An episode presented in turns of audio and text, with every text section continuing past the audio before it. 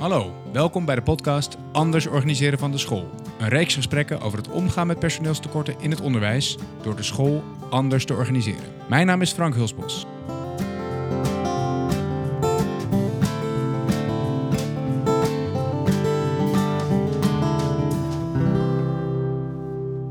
Door personeelstekorten moeten scholen met steeds minder mensen hetzelfde werk doen. In deze podcast onderzoeken we hoe scholen zichzelf anders kunnen organiseren, zodat docenten en schoolleiders met plezier en in samenwerking hun werk kunnen doen. Kunnen we zo op lange termijn meer mensen aantrekken voor de onderwijssector? En helpt het ons onze collega's te behouden voor onze scholen? Deze en andere vragen staan centraal in deze podcast. Vandaag spreek ik met Veerle Beurzen en Saskia Rijsbergen. Beide zijn coach bij Agora Leiden. Agora Leiden is 2,5 jaar geleden opgericht door een klein groepje initiatiefnemers en sindsdien is het team en de school enorm gegroeid. Inmiddels gaan er 136 kinderen naar de school en heeft Agora 18 teamleden. In tegenstelling tot veel andere scholen is het voor Agora Leiden vrij gemakkelijk om nieuwe mensen te vinden. Wat is er zo aantrekkelijk voor coaches aan de wijze waarop Agora Leiden het onderwijs inricht en samenwerking binnen de school vormgeeft? En wat vraagt dit type onderwijs eigenlijk van hoe je de school samen organiseert? Over deze vragen gaan we met Veerle en Saskia in gesprek. Veel luisterplezier. Welkom in de podcast, Veerle en Saskia. Leuk om hier uh, te zijn bij jullie. Nou, uh, jij ook van harte welkom. Ja, dank je. Kun je, Saskia, even voor de luisteraar uh, die ons niet kan zien natuurlijk, even kort uitleggen waar we nu zitten? Ja, we zitten, we zitten in een kantoortje. Uh, onlangs zijn we verhuisd naar uh, dit gebouw. En hebben we voor de leerlingen de leerplekken op de uh, bovenste verdieping. En dit kantoortje is bijvoorbeeld handig als je even een één op één gesprekje wil. Of ja, een podcast. Of een podcast moet opnemen. Ja, precies. dus um, hij voelt eigenlijk als een beetje ver. Uh, van de leerlingen af. En ik merk ook dat wij meer standaard te vinden zijn in de teamkamer. Uh, maar dan zouden we de hele tijd de bonen horen malen. Uh, ja. Als we zouden en de collega's dus horen overleggen. Want ik, ik, was net toevallig ook even in jullie teamkamer. En er werd ook druk overleg. Ja. Tussen de, co ja. de coaches werden druk met elkaar in overleg. Ja. Waarschijnlijk het, over. Echt de ontmoetingsplek. En leerlingen komen binnen en nog even wat vragen. Dus, de leerlingen kunnen gewoon de teamkamer binnenkomen? Ja, natuurlijk. Ja. ja. Okay. Ja. Dat is niet verboden. De leer nee, lerarenkamer is openbaar. Oké. Okay. Ja, ze, als ze gewoon even wat willen vragen of wat dan ook. Of uh, soms zijn ze er ook even een boek aan het lezen. Of ja, uh, ook okay. even aan het zijn, omdat de bank ja, Ik weet dan van mijn school van vroeger dat ik de, de, docentenkamer nooit in mocht. Ah. Vandaar dat ik het, dat ik het vroeg. Ja. Maar. Nee, ze zijn van harte welkom. We mogen elkaar ontmoeten. Ja. Ja. Uh, Veerle, klopt het wat ik zei net in de intro? Dat het voor jullie niet zo heel ingewikkeld is om nieuwe collega's te vinden? Dat klopt. Gelukkig en, klopt dat, ja. en uh, hoe, hoe, hoe zit dat? Is het, wat maakt het zo aantrekkelijk blijkbaar voor aanstaande collega's om bij Agra Leiden te komen werken? Ja, eigenlijk als ik dat vraag aan mensen die bij ons soms wel eens willen meelopen of uh, iets naar ons sturen, een mailtje of wat dan ook, dan is het eerste wat ze allemaal zeggen is: je hebt tijd voor het kind. Je kan gewoon het kind zien en uh, daar met je aandacht bij zijn. En je mag diegene helpen om zichzelf te ontwikkelen. En op welke variaties mensen dat dan opschrijven, dat maakt eigenlijk niet uit. Maar dat is eigenlijk wel dat ze zeggen van ik kan eindelijk doen waarvoor ik eigenlijk het onderwijs in ben gegaan. Maar waar ik, waar ik nu ben eigenlijk niet aan toe kom of te weinig aan toe kom. Uh, en een hele hoop vinden ook gewoon het wel leuk dat ze mee mogen ontwikkelen en mee kunnen denken en hun expertise kunnen inzetten om deze school te helpen groeien. Dus die twee dingen, die hoor je veel. Ja, en even, om dat eerste punt nog even beter te pakken, je kan het kind echt zien. Ja. Um, en dat lukt me niet meer op de plek waar ik nu werk. Is, is het dan zo dat de wijze waarop veel scholen georganiseerd zijn, dat steeds moeilijker maken voor docenten om, om, om je echt te kunnen focussen en echt bezig te zijn met de ontwikkeling van het kind? En zo ja, wat doen jullie hier dan precies anders, waardoor die ruimte weer ontstaat? Nou ja, ik denk als je naar een standaard klassikale school zou kijken, gelukkig er zijn er steeds minder, maar dan zie je wel natuurlijk, je hebt als, als docent heel veel verschillende klassen die je les geeft. Uh, bijvoorbeeld, ik zeg maar wat geschiedenis. Uh, en je hebt misschien nog een mentorklas daarnaast, maar je hebt effectief heel weinig tijd voor die kinderen. Je hebt heel veel kinderen natuurlijk en bij ons is het heel anders georganiseerd. Ik heb nou 14 kinderen in mijn coachgroep zitten. Uh, daar start ik elke dag de dag mee. Dus ik zie ze, ik kijk ze letterlijk even in de ogen. We spreken af wat ze gaan doen. En daarnaast uh, bij ons op de stam, hoe wij dan hè, onze school ingedeeld hebben, daar zullen we het straks nog wel over hebben. Dat zijn misschien 65 kinderen, maximaal 70. Nou, die ken je, hè, daar ben je intensief mee aan het werk samen. Daar zit je elke dag mee in een ruimte. Dus ja, dat is heel anders. Dus de kinderen voelen zich meer gezien. En voor ons is het veel makkelijker om die kinderen hun aandacht te geven. Want ja, je bent heel veel samen. Je, Ja. je, je brengt veel meer tijd samen door. En dus je hebt een coachgroep, eh Saskia, van ongeveer 15 kinderen, zegt Veerle. En dan Ja. nog een stamgroep die wat groter is. Ja. Dus je bent met een aantal coaches, zeg maar, Ja, werk je- voor een stamgroep. Zo moet ik het, we, starten in de coachgroep. eh, maar daarna gaan de leerlingen naar hun eigen werkplek toe. Die verdeeld is over de stam. eh, in ons geval nu in drie ruimtes. Eh, en dat is als coach ook heel fijn. Wij hebben geen vaste plek. Wij zijn iedere dag verbonden aan een andere ruimte. En ontmoeten dus ook iedere dag andere leerlingen. Naast dat we onze coachleerlingen ontmoeten. Die gewoon een afspraak met ons maken in onze agenda. En ons ook wel zien. Maar dat maakt als collega's dat je niet alleen verantwoordelijk bent voor je eigen coachgroep. eh, maar ook andere leerlingen ziet. En ook dus samen kan sparren over die leerlingen. Ja, Eh, want wat jij ziet, kan een ander weer anders zien. En, eh, en heeft het kind zich misschien toevallig, omdat Veerle ook vakexpert geschiedenis is, een afspraak met Veerle gehad eh, over een challenge over geschiedenis. En ehm, heeft Veerle een signaal opgepikt waarvan ze denkt: hé, hey, dat ga ik even met coach Saskia bespreken. Ehm, voel jij dat ook zo? Ik bemerk dit.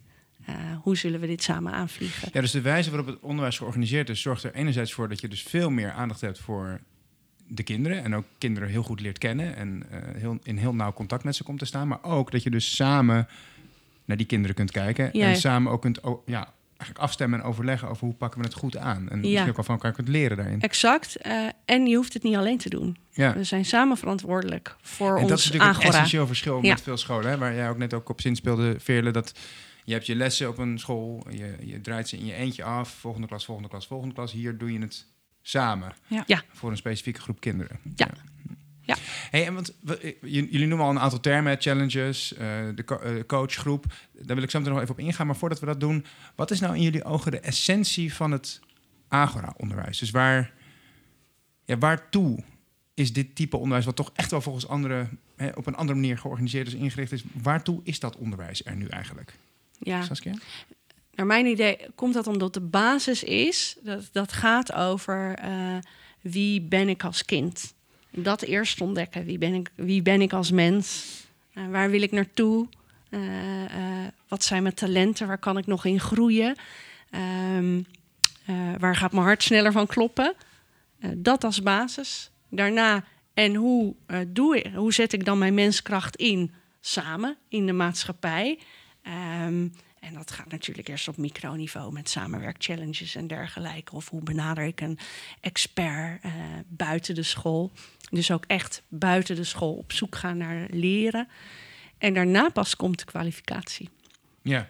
Eh, en dat is misschien ook wel het, eh, het grote verschil, waarvan ik zeker weet dat iedere professional zich wel eens achter de oren krabt en denkt: waar zijn we eigenlijk naartoe gegaan in Ja. het onderwijs? Want het, is, het ligt zo op verantwoording en presteren of eh, resultaten eigenlijk.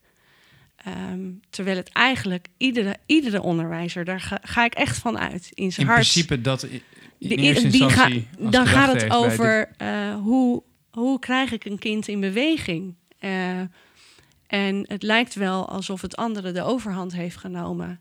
En ehm, het niet meer over spelend leren eh, gaat. Hè? Waarom, waarom, dat is echt een oprechte vraag. Waarom eh, verandert het eh, na groep 2 zo erg ons onderwijs?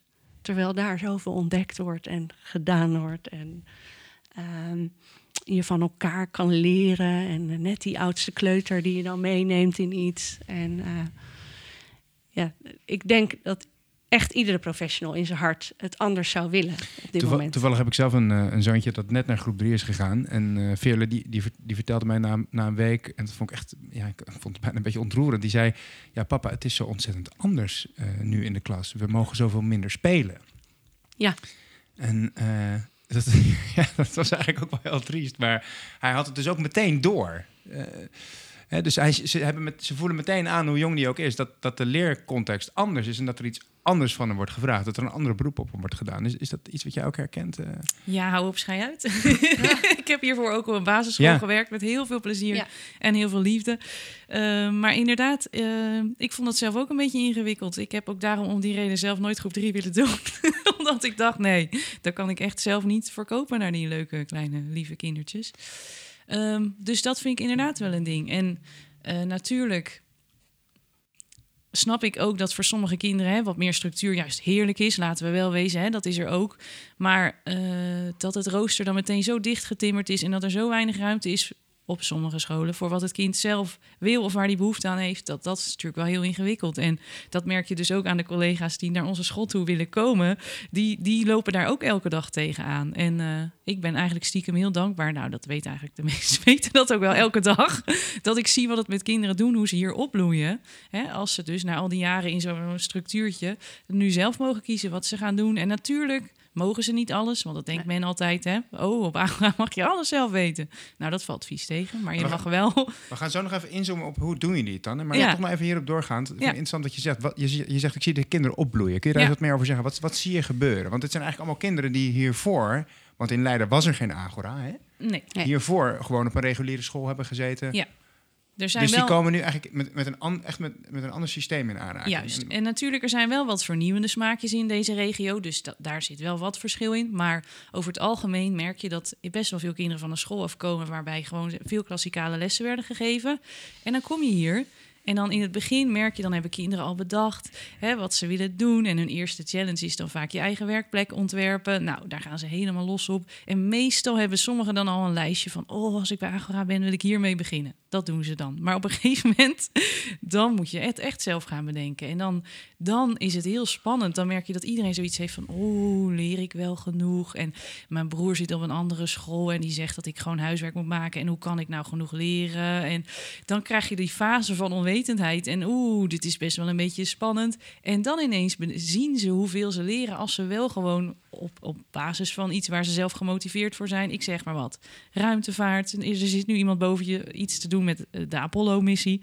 En die is helemaal los aan het gaan daarop. En dan zie je hoeveel die leest, filmpjes kijkt, informatie verwerkt, eh, een mooi werkstuk aan maken is. En dan denk je van, oh kijk, het zaadje is geplant, er komt, begint nu iets te komen. En door dat soort ervaringen op te doen en dat uit te breiden, zie je dus dat ze steeds meer nou, zelfvertrouwen krijgen Ja. en vanuit die motivatie leren. Maar dat is niet zo heel makkelijk. Het is niet zo dat iedereen hier vliegend van start gaat. Je moet altijd even wennen aan dat je het uit jezelf Ja. moet halen. Dat is echt wel moeilijk. Ja, en wat ik je dus hoor zeggen is dat je dus eigenlijk dat vermogen om dat zelf te doen en die nieuwsgierigheid na te jagen en er iets mee te doen, hè, dat je dat dus op een gegeven moment leert en dat je dat dan dus ook op allerlei andere terreinen, hè, dat heb je Ja. één keer geleerd binnen die, eh, dat vraagstuk over ruimtevaart, omdat Ja. je daar helemaal eh, op aangaat. Ja. En dat, dat vermogen ontwikkel je dan, dat leer je dan ook toepassen op andere.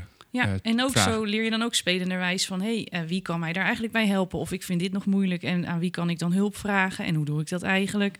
En als je dat eerst spelenderwijs doet in nou ja, je eerste jaar hier of je tweede jaar... dan als je op een gegeven moment naar je examen toe moet werken... waar je toch niet aan kan ontkomen... dan ga je ook op die manier hè, ietsje wat meer voor jezelf opkomen... richting zo'n vakexpert die jou moet helpen... Hè, om, om je voor te bereiden op, eh, Ja. op je examen. Ja, en het gaat ook om. ehm eh, de, Veerle zegt dat net ook. Er is nu eenmaal ongemak in leren en dingen zitten tegen. En dan weten de leerlingen ons ook te vinden. En dat ongemak echt opzoeken, die leerkuil in. En, en van jezelf van, oh, ik dacht dat ik het eerst niet kon. En, en ik heb fouten gemaakt. Eh, eh, bijna Pipi Lankhuis, zeg je. Maar, eh, en ik heb het daarna toch gedaan. Dat maakt volgens mij dat leerlingen extra trots zijn op dat wat ze bereikt hebben. En dat gaat dus niet om een 8 of een 9, maar om kijk mijn eindresultaat. Eh, eh, wat ik nu achterlaat en hoe ik daar ben gekomen. En dat gehele proces kunnen beschrijven en daarop reflecteren zelfs aan het eind. eh, maakt dat leerlingen trots zijn, zelfs op hun fouten. Ja, ja en doet me ook heel erg denken aan iets wat mijn coach, eh, eh, Jozef Kessels, vroeger altijd zei over leren. Dat je aan de ene kant heb je eigenlijk hè, de opbrengst van het leren. Dus je, weet op een gegeven moment meer over ruimtevaart bijvoorbeeld. Hè, om even dat voorbeeld wat jij net gaf nog even verder uit te, gebruiken. Maar de weg ernaartoe, als je daar inderdaad je eigen regie over kunt voeren en je nieuwsgierigheid kunt ontwikkelen en najagen. eh, je, hè, eh, dan, dat vermogen, dat is duurzaam en dat kun je in een volgende situatie ook weer gebruiken. En dat, dat blijft ook, zou ik maar zeggen. En dat overstijgt dat concrete resultaat. Wat je, dat, Ja. dat is volgens mij wat jullie heel erg proberen aan te spreken Ja. binnen aangedaan. Wat je binnen een normale context van klassikale lessen, aanbodgericht onderwijs, veel minder makkelijk, of misschien wel eerder verstoord, zou je bijna kunnen zeggen, maar veel minder makkelijk aanboord. Ja, om- omdat wellicht ehm, eh, het, het systeem de overhand heeft van zo, zo doen we het nu eenmaal. En hier gaan we eerst vragen aan de leerling: wat vind jij eh, interessant om te leren? En eh, waarom vind je dat dan interessant? En waarom daagt het jou dan uit? Want dat is natuurlijk ook uh, waar zit voor jou de uitdaging? Ja. Um, dat is natuurlijk een hele andere, andere manier om bij leren te komen. Ja, en een belangrijk onderdeel wat jullie daarvoor gebruiken zijn de challenges. Hè? Jullie hebben al een paar keer genoemd. Kun je Veerle eens kort uitleggen wat dat betekent? Wat is een, wat is een challenge en hoe, hoe pak je dat aan? Ja, dat, dat kan ik wel, denk ik. um, nou, eigenlijk is je challenge een soort van eigen projectje of onderzoek waar jij uh, een, een, onderwerp mee uh, wilt gaan uh, aanpakken. En je gaat zelf bedenken, hoe ga ik dat doen? Wat heb ik daarvoor nodig? Wat uh, waarom wil ik dit eigenlijk? Waarom kom ik hier mijn bed voor uit? En als je uiteindelijk van tevoren, hè, dat leren we je natuurlijk hier, uh, daarvoor een plannetje hebt gemaakt, dan ga je naar je coach, dan ga je samen bespreken van hé, hey, hoe wil je dit aanpakken? Uh, heb je daarover nagedacht wie je daarbij nodig hebt of wat je daarvoor nodig hebt? En dan maak je, hè, dan is er echt een, zeg maar, een plan met een, een planning enzovoorts. om echt jezelf een onderzoek te doen. Dus ze zijn echt zelf hun leerproces aan het vormgeven. Maar er is wel altijd een coach bij betrokken die kijkt van... hey, ga jij niet telkens hetzelfde doen? Iets uit je comfortzone halen? Dus de, de rol van de coach is daarbij wel echt essentieel. En de rol van de coach is in, in, in op dat moment niet zozeer dat die... Want jullie zijn ook, zijn ook vakexperts, hè, zei je net ook al. Maar op dat moment is die meer het leerproces aan het begeleiden en aan het coachen. En misschien af en toe een beetje aan het stimuleren van... hey, heb je dit al gezien of heb je hier al over nagedacht? Ja. Maar is je niet per se de vakexpert die kennis... Nee. maar je kennis kunt halen. Nee. Maar er zijn ook vakexperts. Want jij bent bijvoorbeeld vakexpert geschiedenis. geschiedenis hè? Ja. ja. En, en is dat dan een word je dan op een hele andere manier gevraagd? Hoe, hoe, hoe, hoe verhoud je je dan tot de leerling? Uh, kan die jou erbij vragen? Of, ja, precies. Dus dan uh, hebben we uh, misschien, als het iemand is die dat nog een beetje spannend vindt, hebben we het gesprekje met de coach en de leerling samen, hè, om, om daar naar te kijken. Maar er zijn ook een heleboel andere kinderen die gewoon dan zelf met mij een gesprekje inplannen en dan willen weten van, goh, ik wil um, iets met de Maya's doen. Toevallig, daar kreeg ik net een vraag over. hoe zou ik dat nou aanpakken met de cultuur? En, en wat is nou eigenlijk cultuur? En dan hebben we het dus echt over, nou ja, dat soort vragen. En dan ben ik meer echt inhoudelijk bezig, maar ook om die geschiedenisvaardigheden. Hè? Bijvoorbeeld bronnenkritiek, waar zoek je goede informatie? Hoe schrijf je dat op? Om dat stukje echt met ze te oefenen en te trainen. Ja, ja. maar dat is dus altijd dan ingebed in een challenge die zij voor zichzelf hebben geformuleerd. Ja. Dus ja. werk je, Saskia, altijd aan een challenge als, als, als leerling? Of aan meerdere challenges? Of kan het um, ook zijn... Het kan één challenge zijn, het kunnen er meerdere challenges zijn... maar het kan ook zijn een fase van inspiratie zoeken.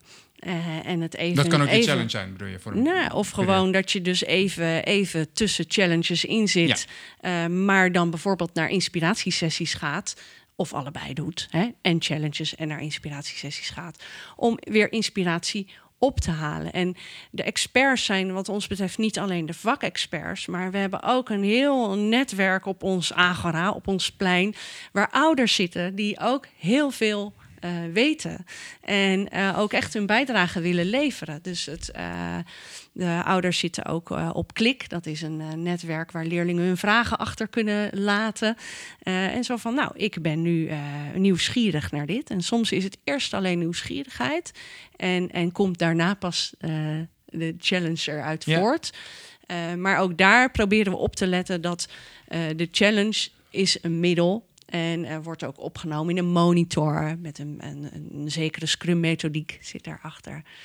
Uh, maar daarvoor mag je ook nog even buiten die monitor zelf zoeken of spelen. Of uh, dat wat nodig is om de nieuwsgierigheid echt, uh, echt op te wekken. Ja, ja.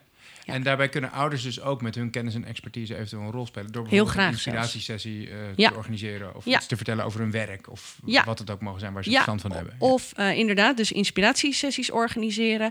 Maar het kan ook zijn dat wij weten, nou, een van de ouders die is fotograaf. En een leerling van mij is net, die wil wat weten over kikkerperspectief en vogelperspectief. Uh, dat kun je natuurlijk allemaal opzoeken op YouTube en filmpjes. Maar wat is het nou gaaf als je met een expert op pad gaat? Uh, om dat ook echt te oefenen en dan feedback te krijgen van die expert. En dan kan ik als coach begeleiden in plannen en organiseren. En ehm, hoe doe je dat nou? Contact nemen met iemand eh, die eh, op Agora is, die zich aanbiedt met deze kennis. is best spannend. Eh, dus daarin zit eh, soms ook al het leren. Als, ik zo, als ik zo naar jullie zit te luisteren over hoe dat onderwijs vorm krijgt binnen Agora, dan, dan, dan stel ik me een soort heel rijk leerlandschap voor. Waar je, je, eh, wat, wat, waar je ontzettend veel uit kan halen. Maar waar je ook wel even je weg in moet zien te vinden, zou ik maar Klopt. zeggen. Dus er is, ontzettend veel, er is ontzettend veel te vinden. Maar Ja. het is niet zo, het wordt je niet zomaar aangereikt of Nee. zo. Zonder dat je erom vraagt. Of Nee. zonder dat er een aanleiding is om dat te doen. Waar je, in een norma- waar, je in een normale school, denk ik meer aan een soort eh, gestructureerd spoorboekje met tijden en, en, en, en routes die je moet volgen en, eh, en momenten waarop het klaar is, zie ik bij jullie inderdaad een soort ja, rijk leerlandschap vormen.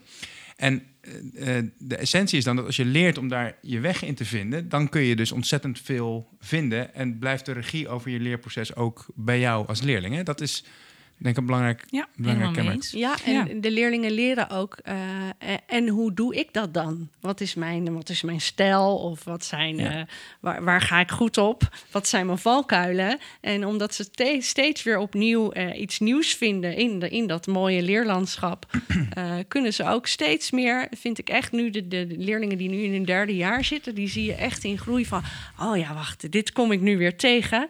Dat ga ik anders aanpakken. Dus je ziet ook dat. ehm, ja, dat ze de manier hoe ze leren en eh, wie ze zijn, of mens, of de strenge stem die ze in zichzelf hebben, of alles wat daar kan zijn, leren ze eerder herkennen. eh, en hobbels eh, sneller te nemen dan dat misschien in het begin eh, Ja, lukte. dus het zelfvertrouwen groeit ook naarmate je dit vaker doet eigenlijk. Ja, Naarmate je, naarmate je doordat vaker er misschien ook een- altijd gesprek over is. Ja. Dus eh, of eh, dat, dat leerlingen ons weten te vinden, ook als het niet lukt. Ja. Ik zou het leuk vinden om... Ik ga er ook een beetje van uit dat veel mensen... Het is leuk om inderdaad even zo in te zoomen op hoe dat, hoe dat agere onderwijs vorm krijgt bij jullie. En wat voor effect het heeft. En tegelijkertijd denk ik dat ook veel mensen, zeker de luisteraars van onze podcast, het concept zullen kennen. Dus ik zou het leuk vinden om ook even in te zoomen op wat deze manier van onderwijs nou eigenlijk vraagt van de organisatie. Wat vraagt het nou van hoe je met elkaar samenwerkt? Wat vraagt het nou van hoe je leiderschap binnen de school bijvoorbeeld ook vormgeeft? En wat vraagt het bijvoorbeeld van jullie om zo'n ontwikkelproces waar jullie binnenin zitten, om zo'n nieuwe school op te bouwen, hè, om dat goed vorm te geven? Ehm, la- laten we eens beginnen bij die samenwerking. Want waar je in een normale school je eigen vak hebt, wat je individueel verzorgt, ja, daar is samenwerking eigenlijk vooral een last. Hè? Dat, dat, dat leidt eigenlijk alleen maar af van datgene wat je moet doen. En je wordt afgerekend op jouw individuele resultaten voor jouw vak. Samenwerking is voor heel veel docenten op normale scholen ja, eh, extra, komt er nog bij. Het lijkt me dat het bij jullie juist een onmisbaar onderdeel is van hoe je. Het kan eigenlijk niet zonder samenwerking, stel ik me zo voor. Nee, dat klopt helemaal. Wij, wij beginnen de dag ook daarom samen met een check-in. En we checken ook samen uit, omdat ja, je hebt zoveel wat je ziet op een dag, wat je samen aan het eind van de dag wilt bespreken.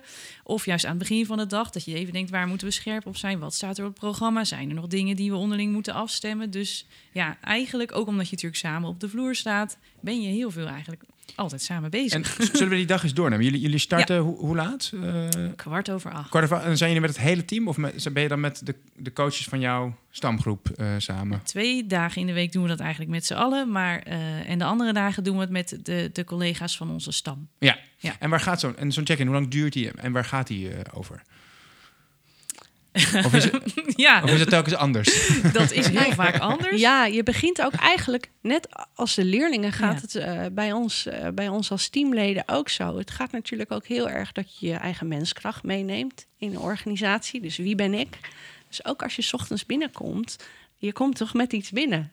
ja. en en eh, eh, dat kan zijn dat je een slechte nacht hebt gehad, of het kan zijn. eh, Dat de trein heel veel vertraging nou ja, gehad. goed. mijn oom en tante waren laatst 40 jaar getrouwd en die gingen, s- s'avonds gingen we uit eten. Dus dan heb ik toch alweer een beetje feestelijke bui. Ehm, er is een grapje of een joligheid wat even besproken wordt met elkaar. Dus, eh, maar soms ook kwetsbaarheden of gewoon verdriet of dat wat er ook Zorgen is. over de kinderen of Eh, wat dan ook. ja, eh, de zijn. menselijkheid, aandacht voor, voor dat stuk. Beginnen daarna- jullie daar altijd mee, Saskia? Met, de, met eigenlijk even van hoe zit je erbij? Of, Ja, hoe zit je erbij? vraag? Ja, ja, en het kan soms zijn dat, dat het sneller overgaat in, in de praktische. Oké, eerst hoe zit je erbij en hoe gaan we dat dus samen regelen. Hè? Dus ook weer, en hoe verhouden we dat tot samen? En daarna, oké, en wat is er dan praktisch nodig om iets of dat? En het ene moment is dat gewoon wat uitgebreider eh, dan het andere moment, omdat het ene moment gewoon ook vraagt om eh, vlugger te schakelen of, of wat. Maar er is, we nemen er altijd ruimte voor als dat nodig is. Ja. Ja. Oké. En dan, eh, wat, wat zijn wat praktische zaken die je dan zou kunnen bespreken? Ga- Gaat dat dan echt letterlijk over hoe, wie doet wat vandaag? Of, of kan het bijvoorbeeld ook gaan over, over kinderen die nog extra aandacht vragen? Of hoe, Ja, maar als hoe- hoe we met z'n allen eh, zitten, dan moeten we dat natuurlijk efficiënt doen. Dus dan zijn het vaak, nou, er zijn wat mededelingen die kan je al lezen. Dan hebben we daar hè, gewoon een document voor, dat kan iedereen vinden. En dan zijn er wat bespreekpunten met zaken als bijvoorbeeld, ik zeg maar wat, er is volgende week, staat er iets op het programma. Een aantal van ons zijn daar verantwoordelijk voor. En die vragen of er iemand kan bijspringen, meedenken, dat soort zaken. Ja, Eh, of vandaag is er een inspiratiesessie, die en die ouder komt langs. Welke coach kan daarbij zijn? Dat, dat kan het ook zijn. Ja. Ehm, maar wat we ook daarnaast belangrijk vinden, en dat doen we meestal wel met onze eigen stam, met het kleinere clubje dus, is dat we dan kijken wat zijn, zijn er nog bijzonderheden voor de kinderen, iets wat thuis speelt of hebben we iets waar we rekening mee moeten houden, waar we scherp op moeten zijn of willen zijn. dus dat, dat gesprek over de kinderen gebeurt eigenlijk meer binnen je Ja. stamgroep. En eh, uit hoeveel mensen bestaat je stamgroep ongeveer? Met hoeveel coaches werk je samen? Mm, we zijn dan met z'n vier of z'n vijven. Ja, Ja. oké. Dus dan heb je echt het gesprek, want dat zijn, met die vier ben je natuurlijk ook echt verantwoordelijk voor die specifieke groep kinderen. Ja. Dus met, dat, met die groep spreek je dan inderdaad over hoe gaat het met onze kinderen? Zijn Ja. er nog aandachtspunten? Of, eh, Ja. Ja, en met dat- clubje check je dan ook weer uit. Hè, aan het eind van de dag, dan bespreken we dat even na. Van hoe eh, ging het met ons, maar ook hoe ging het met de kinderen. En eh, En eh, dat is ook iedere dag. Iedere Ja. dag check-in, check-out. Dus, en je bent ook gedurende de dag, dus tussen de check-in en de check-out, ben, je- ben je ook veel met elkaar bezig. Hè? Sta je ook wel eens alleen voor een, voor een groep kinderen? Of doe je het eigenlijk altijd samen met minimaal Nou een ja, andere collega? Dat is Ja. natuurlijk heel flauw dat we dit gaan zeggen nu. Maar we staan natuurlijk niet voor een groep. Alleen, Ja. hè, wij Nee, lopen natuurlijk rond en we hebben wel, we zitten in een ruimte. Maar ja, dan soms is, kan het ook prima zo zijn dat Sas binnenkomt lopen. Hè, en Ik ben, wat- ik ben dus helemaal enthousiast over eh, anders onderwijs. Maar ook ik draag natuurlijk van, van alles met me mee. ja, logisch. Saskia. Ja, En een van de dingen die ik met me meedraag is dat je in een school voor een groep staat als Ja. docent. Maar dat is natuurlijk helemaal niet Nee, per se het geval. nee maar we dat is, staan naast de kinderen. Ja, Ja. dus- en, en vertel eens, je, je, je, je, je stapt eh, de ruimte binnen. En eh, hoe gaat dat dan? Nou, ik heb wel dus voor de duidelijkheid dan eerst aan het begin van de dag mijn eigen coachgroep. Hè, met- wie ik dan een half uurtje de dag opstart. En daarna gaan zij allemaal naar hun eigen werkplek. En eh, dan beginnen ze eh, te bedenken van oké, wat staat er ook weer op mijn programma? Of wat wil ik doen vandaag? En dan gaan ze aan het werk op hun eigen plek of ergens samenwerken of naar het atelier. En ehm, ik ben dan als coach aan een ruimte gekoppeld, omdat wij zelf merken dat het voor de kinderen ook wel rustig is. Dat ze weten, oh ja, ik hoef niet veerle overal te zoeken, maar Ja. zij zit vandaag in die ruimte.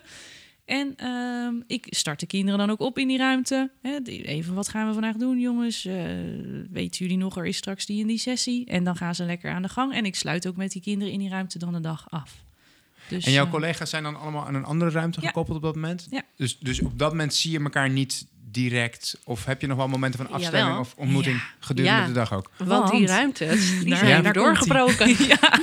Dus er is gewoon opening naar de andere ruimtes toe. Ja. He- Hebben jullie dat, eh, want jullie zitten, dat weet de luisteraar niet, maar jullie zitten eigenlijk in een, in een andere school bij, hè, nog? Ja. Ehm, eh, dus op zich is het een vrij klassiek schoolgebouw, maar jullie hebben daar wat eh, modificaties in Ja, aangebracht. dat was eigenlijk een eerste, eerste vereiste, vereiste dat we de muren eh, Ja. doorbreken. We moeten wel de muren Letterlijk kunnen en figuurlijk. ja. Ja, omdat eh, contact tussen de verschillende ruimtes en juist omdat we niet verbonden zijn aan. eh, per dag zijn we verbonden aan een ruimte, maar het houdt ook in dat wij makkelijker kunnen afstemmen met onze collega's. En ons, al onze leerlingen kunnen blijven zien als we daar goed in kunnen bewegen. Dus eh, daarom zijn eh, per stam de muren Ja. doorgebroken. Dus je ziet elkaar ook, je hebt wel je eigen ruimte waar leerlingen je kunnen vinden, maar je ziet elkaar ook eigenlijk Ja. de dag. Je kunt dus ook afstemmen, je kunt Ja. ook misschien even overleggen over Ja. het een of het ander. Ja. Ik, ik, ik, dit is natuurlijk een heel andere manier van samenwerking vormgeven dan dat we gewend zijn. Zou jullie iets kunnen zeggen, wat vraagt het nou van een coach? Niet zozeer om het onderwijs vorm te geven, want daar hebben we het over gehad, hè, maar om op die manier samenwerking, samen te kunnen werken met collega's. Want ja, veel docenten, zeker die misschien van een andere reguliere school komen, zullen dat niet gewend zijn. Ja, het, het vraagt eh, naast eh, passie, passie voor je vak, die, die er hopelijk gewoon is, vraagt het ook om breder te kijken naar een organisatie. En eh, ja, ik heb zelf op de PABO gezeten, maar dat, heet gewoon klassenmanagement. En het vraagt eigenlijk om het management van je groep en de andere groepen en daarin afstemmen met de collega's. Wat kan jij daarin betekenen of ik? Dat, dat vraagt het dus. eh, vaardigheden in klassenmanagement zou ik eh, zeggen, vaardigheden in coachen en vaardigheden of gewoon eigenlijk de wil om dat als team eh, te laten slagen. Ja, met name dat laatste lijkt me toch inderdaad eh, eh, essentieel en ook Ja. uniek voor hoe je dit hier doet. Dat je Ja. dus Ja. dat ook wel wil en, daar ook, en dat ook wilt ontwikkelen. Ja. Ja, en je moet dus daarvoor je ook echt wel open en kwetsbaar opstellen. Want Ja, hiervoor was exact. ik bij wijze van koningin van mijn eigen klaslokaal. Ik had lekker groep 8. Huppakee, ik kon de deur open doen of dicht doen. Maar ik bepaalde toch wel zo ongeveer wat daar En gebeurde. dan ben je dus, want kwetsbaar is zo'n woord wat we veel gebruiken, maar je bent dan letterlijk minder kwetsbaar voor collega's. Want er zit gewoon een deur Ja, en een muur precies. tussen jou en je collega's. Als je Ja. een keer iets fout doet of je twijfelt ergens Ja. over of je hebt een niet zo fijne interactie met een kind, Ja. dan is dat niet meteen zichtbaar. Nee. Nu wel. Oh ja. Ja. Dat maakt je dus kwetsbaar, want het is Ja. werk waar, Ja. ook je, waar je je hart en ziel ook inlegt. Ja. En je bent in één keer heel erg zichtbaar voor, een, voor een groep collega's. Wat je bij ons ook ziet, omdat wij een lerende organisatie zijn. Wij zijn hè, in het eerste jaar begonnen met z'n allen, maar altijd vanuit we zijn het samen. Dit is onbekend voor ons allemaal. We zijn het samen aan het uitzoeken en aan het leren. En omdat, je, omdat dat de basishouding is eigenlijk van iedereen die hier bij ons zich nu aansluit eigenlijk...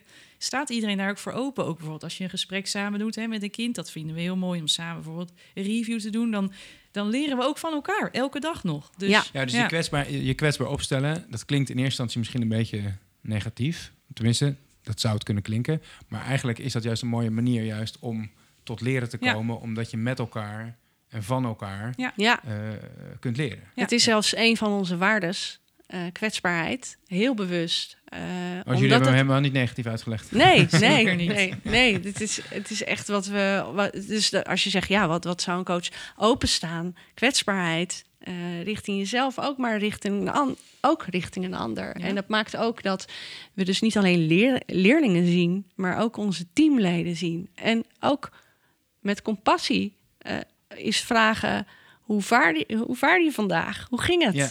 En of op het moment zelf heb je wat nodig. Eh, eh, dus daarin het samen doen, letterlijk weer.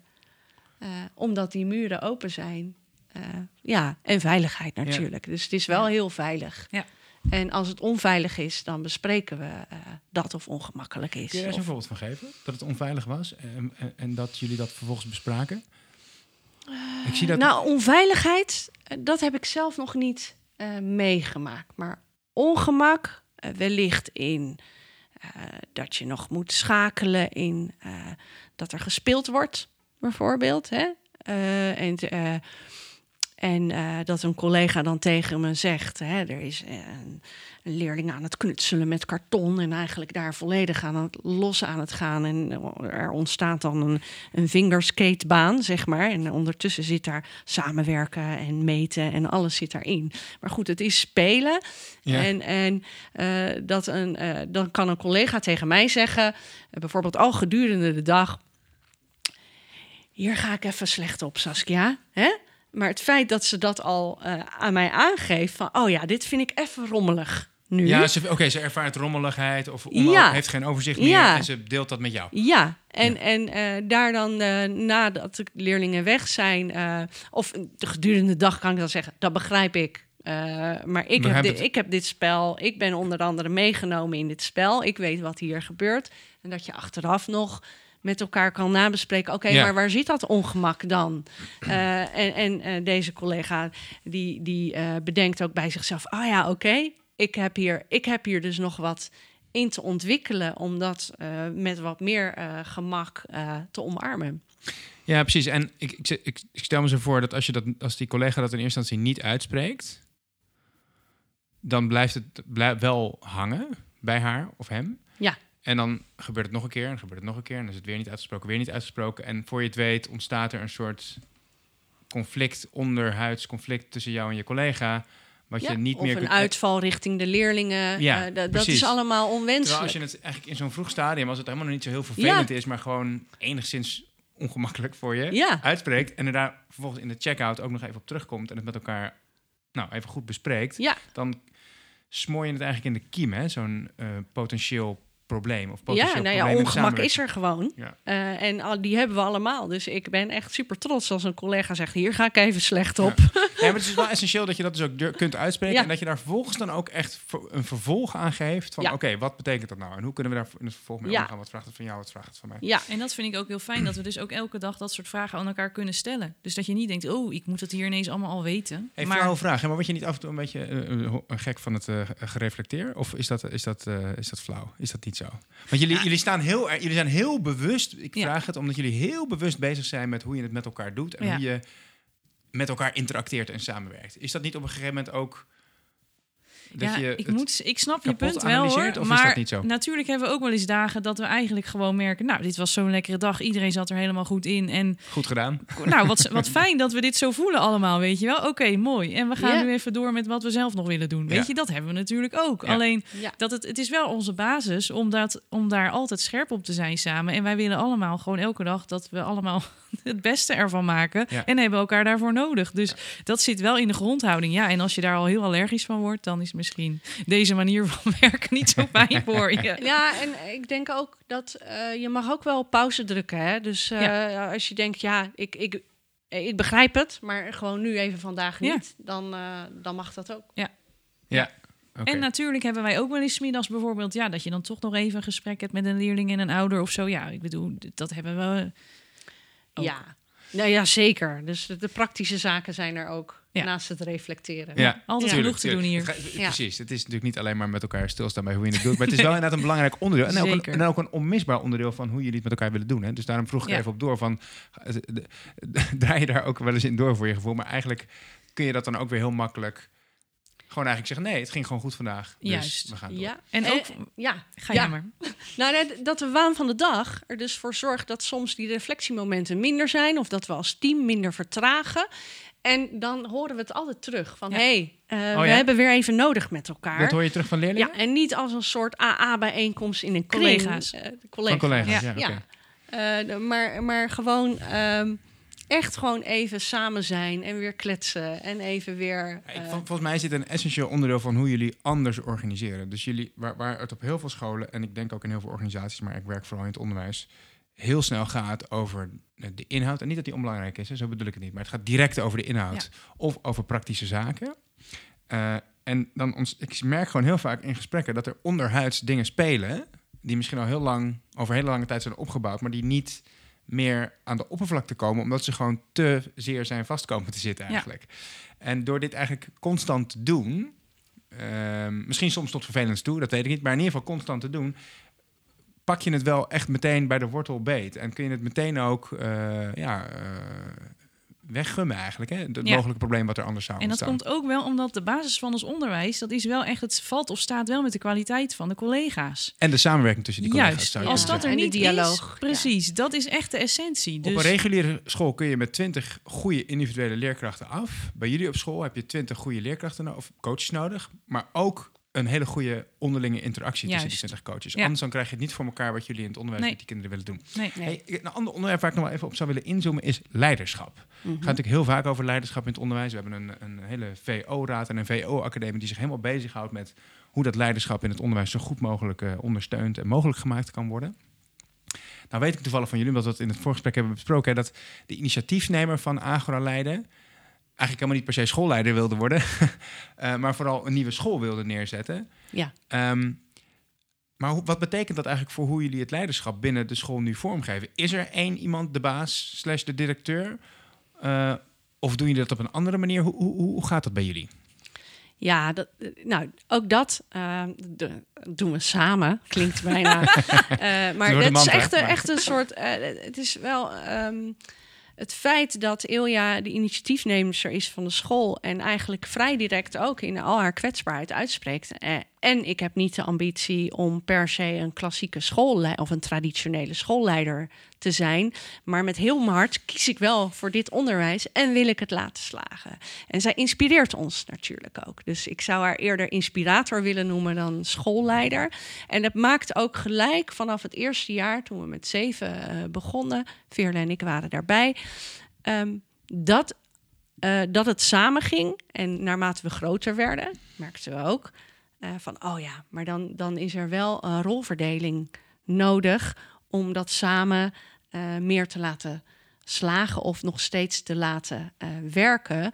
Want anders, voor je het weet, ben je overal samen over aan het gesprek ja, voeren. dat is ook weer niet efficiënt. Nee, nee, want dan ja. kom je thuis en dan heb je nog van alles te doen. Van dingen die je eigenlijk ook nog op je lijstje had staan. Ja. Dus, dus jullie, hebben, jullie hebben ook een, een uh, jullie en Ilja, jullie twee en Ilja hebben ook een, hoe moet ik dat nou zeggen? Jullie zijn niet met z'n drieën schoolleider, maar ik heb wel de indruk dat jullie met z'n drieën een beetje de taken en verantwoordelijkheden op je nemen die normaal gesproken misschien bij de schoolleider zouden komen te liggen. Villen, mag, mag ik het zo zeggen? Ik denk dat dat wel klopt. Ja. En, en jij gaat, vertelde je, uh, uh, Veerle, uh, je bent het spoorboekje van de school. Hè? Dat, is, ja. dat is de naam die jullie eraan hebben gegeven. Nou ja, dat ben ik niet. Of maar daar voel ik me wel je voelt je verantwoordelijk voor, voor het spoorboekje. Ja. Niet kwalijk. En dat is tevens gelijk een prijsvraag. Als we een ander woord voor spoorboekje weten, dan is die welkom, toch? Nou, maar wat, wat, wat bedoel je ermee? Want ik, heb me er, ja. ik kan me er wel een voorstelling bij maken, maar uh, wat, wat, betekent het? Het gaat eigenlijk over, uh, nou, heel praktisch, gewoon de organisatie van onze school. Dus wat moet er op de kalender staan? Wanneer moeten we wat bespreken? Dat soort zaken. Maar ook uh, de kwaliteit van het onderwijs, die doorgaande lijn. We zijn natuurlijk elk jaar aan het groeien, verder aan het ontwikkelen. En dat stukje coördineren, daar voel ik me ook verantwoordelijk voor. Dus even heel kort is dat waar ik me dan mee bezig ga. Het is toch ontzettend prettig dat iemand die, die taak op zich neemt. En dat je daar. Maar ik vind het wel leuk dat jullie daar dus een ander woord aan geven. Want je zou ook kunnen zeggen uh, onder, uh, kwaliteitsmanager of zo. Maar dat heeft toch een hele andere ja, connotatie ik wil dan. zeggen bal. Nee, maar ja. dat als je het vanuit Ja, het, als, het traditionele, het ja. in de, in de podcast over anders organiseren. Daar hoort denk ik ook andere taal bij. Ja. Dat zou misschien de meer voor de hand liggende taal in Ja. het, in het uh, klassieke uh, idee zijn. Maar dat, dat geeft een hele andere connotatie. Uh, kwaliteitsmanager voelt, voelt voor mij ook als... ah, dat is iemand die bovengeschikt is op dat onderwerp aan mij. Ik heb daar dus ook dan vervolgens geen Ja. zeggenschap meer over. Terwijl als ik hoor dat jij gaat over het spoorboekje... dan denk ik, oh, fijn dat jij dat doet. ja, En ik kan nog steeds meedenken. en precies. Want ik wilde net, net als tegen je gaan zeggen van... het is totaal niet zo dat ik dat alleen maar kan. Of nee, helemaal niet. Alleen ik doe dat nu toevallig. En ik doe met heel veel collega's samen eh, onderdeeltjes daarvan. Maar het is niet zo dat ik dat allemaal in mijn eentje doe... en daarboven sta. Echt absoluut niet. Dus Ja. ik ben blij dat je dat ook nog Ja, en, en, zegt. en dat, dat heeft natuurlijk voor het, het allermeeste te maken met de wijze waarop jij het vormgeeft. Maar het heeft, zit hem ook inderdaad een beetje in de, in de titel of, of de, Ja. de, de naam die je eraan geeft. En zo ben jij, Saskia, verantwoordelijk voor, voor de mens en het huis, hè? Ja, heel, heel eenvoudig. heel eenvoudige woorden eh, zijn het, maar misschien wel, wel zo duidelijk. En eh, natuurlijk eh, niet zo'n eenvoudige rol, want zoals je ook thuis in een gezin woont waar mensen zijn en het huis, het huis aandacht verdient, is dat natuurlijk hier, hier ook zo. En doe je dat dus ook samen. Maar mensen weten eh, voor eh, als ik nog even wil vertragen of iets apart wil bespreken of eh, ik moet muziek melden, eh, dan is dat bij eh, Saskia. En eh, als het om het huis gaat en hoe we hier, eh, we zijn er natuurlijk net ingekomen, eh, het allemaal nog aantrekkelijker kunnen maken, eh, dan eh, ben ik een schakel tussen eh, aannemers of eh, en ideeën Ja, eigenlijk. idee uit. Ja, ja. of eh, nou ja, goed. Noem maar alles wat bij het huis hoort. Dat kan ook eh, zijn over een radiator die niet werkt. eh, en dat er even nog een extra stapje nodig Ja, is. het kan ook zoiets conciërges. zijn, maar het kan ook inderdaad gaan over hoe kunnen we het huis zo inrichten dat het echt recht doet aan onze principes, Ja. aan onze onderwijsprincipes. Ja, dat het schoonheid biedt. Ja, En ook het woord huis is daar natuurlijk weer mooi in, want dat, dat nodigt uit om je hier thuis te voelen en om hier te gaan zitten en met iemand anders in gesprek te gaan. Of eh, om eh, nou ja, nou ja, een challenge inderdaad eh, in je, op je werkplek te gaan ontdekken. Hè? Echt anders klinkt dat dan de werkplek of school of het kantoor. Dit is het huis, we zijn hier met elkaar thuis. Ja. Mooi. En want, want wat is, Ilja heeft ook een, een specifieke ja, taak, hè? Wel- Welke was dat ook weer? de vogel, het veld en het geld. ja, en, en, en, en eh, hè, dus zij als initiatiefnemer uh, is zij natuurlijk ook echt nog wel, heeft echt nog wel visie waar we naartoe kunnen gaan. Hè, dus daar zien we dan de vogel in. Het veld is het hier en nu. Mensen die, nou, zoals jij ook haar hebt benaderd, die geïnteresseerd zijn in uh, wat hier allemaal gebeurt. Maar uh, we hebben natuurlijk ook de buitenwereld nodig om ons uh, concept zo rijk mogelijk te maken. En ja, de centen, die zijn natuurlijk ook. Die zijn er ook. Ja, ja, ja. En heeft dan iedereen in het team een dergelijke ja, zeg maar affiniteit? Geldt dat voor iedereen in het team? Eigenlijk wel. Ja, ja. je, dat is ook voor ons belangrijk. Dat we allemaal kijken van welke rollen of taken... of hoe je het ook wil noemen, maar passen bij jou. En waar wil je zelf nadat, oh als de kinderen naar huis zijn, waar wil jij je dan nog mee bezighouden? Op welk stukje van ontwikkeling, organisatie of wat dan ook. Dus daar verbinden ze zich dan zelf aan. Ja. Eh, ja. ik vind het ontzettend interessante manier van. Want uh, ook de wijze waarop jullie drieën, zeg maar, die verantwoordelijkheden verdelen, die je normaal gesproken waarschijnlijk zou terugzien bij de directeur. Jullie zien dat niet zozeer als taken die je neemt van waaruit je dan vervolgens de baas kunt zijn. Of nee. die vervolgens betekenen dat je de baas bent. Nee, liever Want de meeste mensen die over het geld gaan, zijn de baas in organisaties. Hè? Dat, maar dat is bij jullie niet zozeer een directeurstaak of toe, uh, exclusief voor de directeur die vervolgens de basis is. Maar dat is eigenlijk een van de dingen die binnen dit team gedaan moet worden om deze school, zoals we hem graag met elkaar willen vormgeven, goed voor elkaar te krijgen. Ja, precies dat. En dat, dat is een essentieel verschil, denk ik, in hoe je leiderschap organiseert. Dan, dan is, ja, hou je het weg bij boven- en ondergeschiktheid. Zo van, ik sta boven jou, ik heb meer privileges en meer te zeggen dan jij. Maar je ziet het eigenlijk als een gezamenlijk... Ja, we hebben gewoon een aantal dingen te doen. En wie wil wat oppakken? En, en zelfs dat we denken... Ja, je kan een planning hebben per periode. Uh, maar wij schrijven een planning op de slinger boven in de teamkamer. Uh, daar hangt hij ook. En uh, daartussen hangen allerlei activiteiten, gebeurtenissen, alles wat er aan te komen is. En uh, hoe gaan we van die periode weer een feestje maken met elkaar? En koppel even je namen eraan als je weet, oh ja, daar was ik bij betrokken of die is voor ja. mij. En die slinger is zichtbaar, dus het maakt zichtbaar wie doet wat.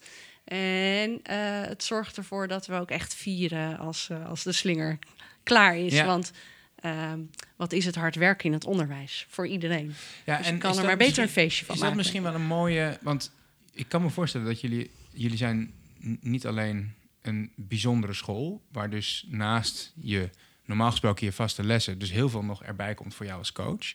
Maar jullie zijn ook nog eens een keer een school in ontwikkeling. Dus dat vraagt natuurlijk... We hebben het daar nog niet eens echt over gehad... maar dat vraagt natuurlijk ook nog een keer heel veel aandacht. Ieder jaar komen er weer nieuwe leerlingen bij allerlei dingen die op je afkomen, die je nog nooit eerder hebt gezien, die moet je allemaal oplossen. Ja. Um, ik kan me voorstellen dat, dat, ja, dat, dat burn-outs en hoge werkdruk op de loer liggen, maar zo klinkt het helemaal niet. En heeft dat er misschien mee te maken dat hier werken niet alleen hard werken is, maar ook heel betekenisvol werken is? Dus alles wat je doet, ja, jullie ja. zitten allebei te knikken, zo, zo ja. soortje glimmen ook. ja. Want, en, want ja. kun je verder dat, want ik zit dat zo te theoretiseren, maar hoe, hoe voelt dat dan voor jou of hoe zit dat dan? Hoe ervaar jij dat dan? Precies. Nou, ik herken helemaal eigenlijk wat je zegt. Het is zeker uh, natuurlijk hard werken. En uh, wij zijn allebei, uh, nou ja, allebei, wij zijn ook wel harde werkers. Maar eigenlijk iedereen die hier rondloopt, die doet dat vol met passie en overgave. En die weet ook elke dag van, ja, ik doe dit voor die kinderen. Ik vind het belangrijk dat deze school hè, er is en kan blijven. Um, dus daarom moet je natuurlijk wel elkaar ook goed in de gaten houden. Want soms kan het ook een beetje een gevaar zijn dat je allemaal zo gepassioneerd bent. Dat je denkt, ja, oké, okay, het is nu toch wel echt tijd om weer naar huis te gaan. En morgen is er weer een dag. Ja. Maar ik denk wel, dat is ook gewoon een, een onderwerp waar, waar we het ook samen over hebben. Is er iemand die zich daar in het bijzonder mee bezig gaat? Bijvoorbeeld jij, Saskia, als, voor de mens? Of, of is ja, het allemaal ja, een beetje dus, met elkaar? Dus, um, uh, um, collega's vragen ook regelmatig... Uh, kan ik even met je zitten of kan ja. ik even met je sparren? En dan gaat het ook, uh, ook heus wel eens over uh, van... ja, ik kan en wil zoveel, maar het lukt me even niet in de tijd die er is. En dan weer even terugkaderen naar van... oké, okay, en wat, wat is voor nu, uh, nu belangrijk ja. voor jou? Of wat dan als eerste? En even het weer in stapjes uh, uitzetten. En ook gewoon uh, zeggen: oh, dit is inderdaad ook geweldig en hartstikke leuk, maar het hoeft misschien niet nu. Ja. Fijn dat er zo'n vangnet is in, in jouw persoon.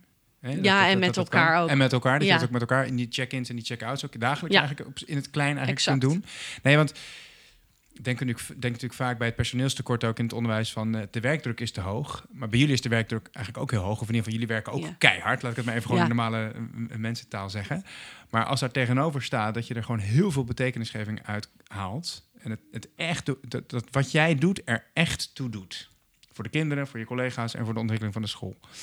En als je dan daarnaast, want dat is natuurlijk wel inderdaad een gevaar, wat ik ook wel zou, zou zien, eh, wel een vangnet hebt van collega's om je heen die, die, die je in de gaten houden.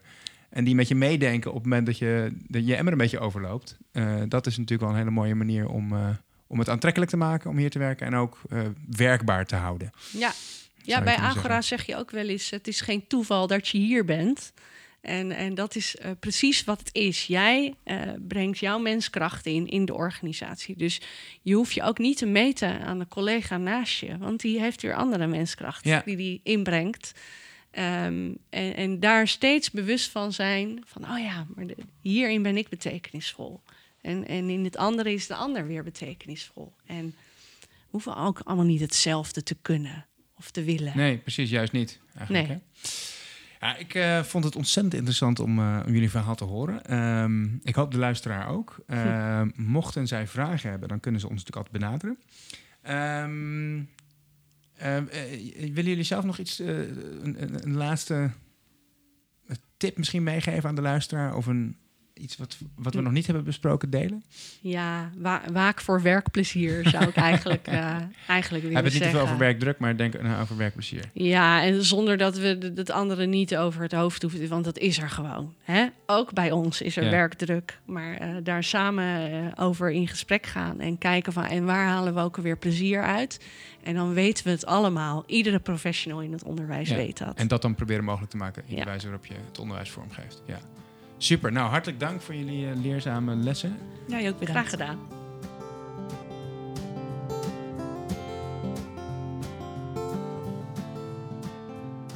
Dank voor het luisteren naar de podcast Anders organiseren van de school. Met vragen of opmerkingen kun je me mailen op frank.gespreidleiderschap.nl. En geef ons zeker een rating of review in je favoriete podcast-app. Deze podcastreeks is onderdeel van een onderzoek naar omgaan met personeelstekorten door de school anders te organiseren. Ik doe dat onderzoek met een groep scholen in de regio Leiden, Duin en Bollenstreek. Het onderzoek en de podcast zijn mede mogelijk gemaakt door de subsidieregeling Regionale aanpak leraren personeelstekort. Voor meer informatie over de RAP kijk je op aanpaklerarentekort.nl.